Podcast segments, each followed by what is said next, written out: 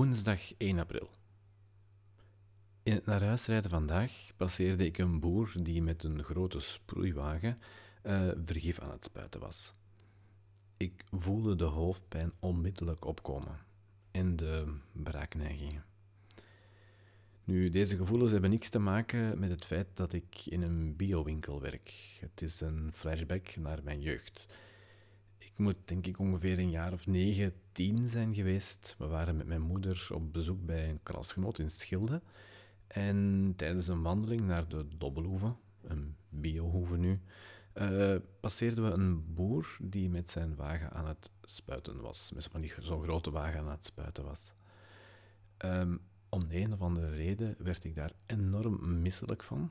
Ik denk zelfs dat ik daar aan het overgeven ben geweest. Ze hebben mij dan naar het huis van mijn klasgenoot gebracht. Um, en vooral het beeld dat ik daar misselijk uh, en heel alleen in dat grote huis lag, uh, is me enorm bijgebleven. Um, maar ja, hoe uh, jeugdherinneringen. Um, naar vandaag dan. het is weer een goed gevulde en lange werkdag geweest. Met weer natuurlijk ja, 99 mensen die alles perfect naleven. 80 mensen die dankbaar zijn. En ja, ook die ene die kritiek heeft. En dat hakt er echt wel in. Naast het organiseren van de hele boel is um, psycholoog zijn zo wat uh, een kwaliteit die nuttig is als zaakvoerder op dit moment. En dan heb ik een beetje het geluk dat uh, ik opvoeder ben van opleiding. Maar over het algemeen staat de organisatie er wel intussen. Er zijn twee jobstudenten die ervoor zorgen dat de klanten met een kar binnenkomen en die ook achteraf terug ontsmetten. Um, er mogen 30 winkelkarren in de winkel, de helft van het wettelijke minimum. En er is duidelijke beleiding aan de kassa en de bedieningstoog. Um, er staat ook een scherm tussen de klant en ons tijdens het betalen. Het uitzetten van de producten in de winkel is wel niet zo gemakkelijk, omdat je ook daar eigenlijk een afstand van anderhalve meter moet bewaren.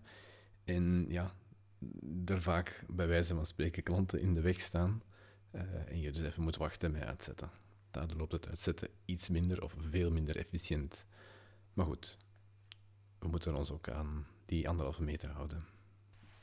Over het algemeen begin ik uh, wel wat greep te krijgen of vat te krijgen op de situatie in mijn nieuwe filiaal. Een zijdeling is een uh, beetje onverwacht effect. Een zijdeling is een beetje onverwacht effect van de huidige situatie is dat de voedselbank waar wij mee samenwerken nog nauwelijks voedseloverschotten van ons krijgen.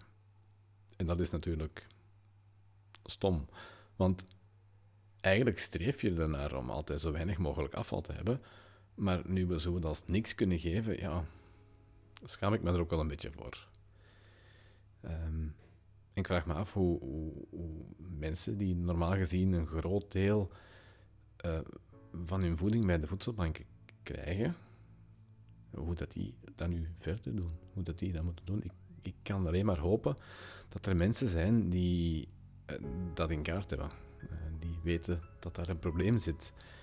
Uh, ik las vandaag ook wel dat er dat Colruyt Groep uh, verschillende tonnen voedsel geschonken heeft aan de voedselbanken. Dus het is ergens wel in kaart, maar toch blijft een vreemd gevoel dat je eigenlijk een beetje beschaamd bent dat je zo weinig voedsel geeft aan de voedselbanken.